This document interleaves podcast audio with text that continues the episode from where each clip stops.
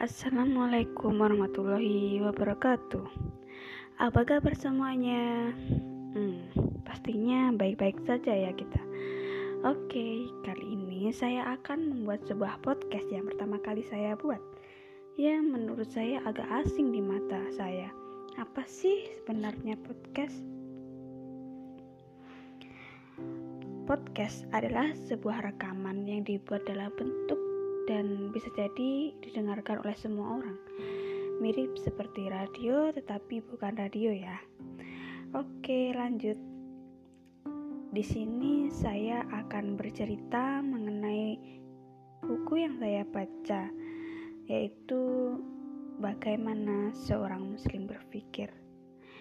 Buku yang berjudul Bagaimana Seorang Muslim Berpikir ini adalah salah satu buku yang menjelaskan tentang konsep pemikiran seorang muslim di mana buku ini layak untuk dibaca sebagai bahan referensi kita untuk membuka wawasan berbagai sistem pendidikan di dunia.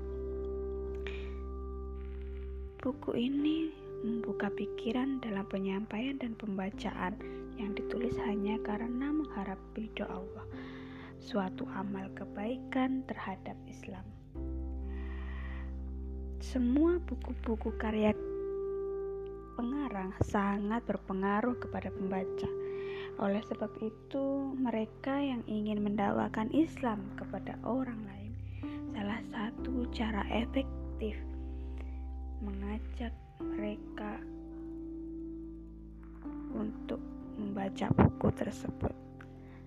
Ya, di sini saya menjelaskan bahwa Berpikir adalah bagaimana cara merangkai kata atau sebuah ide, konsep, pemikiran yang baru keluar dari dalam diri seorang dan perkembangan pemikiran itu sendiri dari informasi yang telah didapat dan disimpan oleh seseorang. Nah, Tujuan saya memilih judul buku ini adalah ingin mengetahui bagaimana cara berpikir seorang muslim.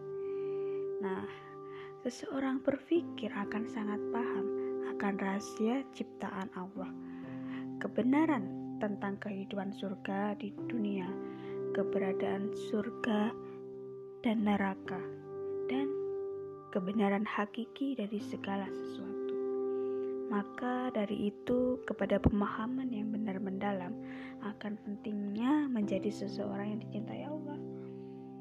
Balasan di akhirat untuk orang selalu mencari kebenaran dengan berpikir adalah kecintaan, keridaan, kasih sayang, dan surga Allah.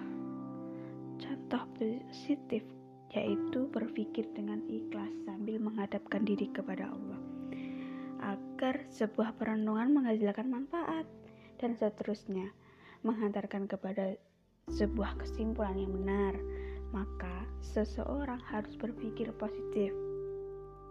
Contohnya seseorang melihat orang lain dengan penampilan fisik yang lebih baik daripada dirinya lalu ia merasa dirinya rendah karena kekurangan yang ada pada fisiknya dibandingkan dengan orang tersebut yang tampak lebih rupawan maka seharusnya ia menganggap bagusnya rupa bentuk orang yang ia lihat sebagai wujud ciptaannya di mata Allah. Mengajak manusia untuk berpikir sehingga mereka dapat merenungkan akibat yang akan menimpa mereka dan kembali kepada agama Allah. Salah satu bentuk ibadah bagi seorang mukmin. Terima kasih. Sekian podcast yang saya buat ada kurang lebihnya. Mohon maaf ya. Assalamualaikum warahmatullahi wabarakatuh.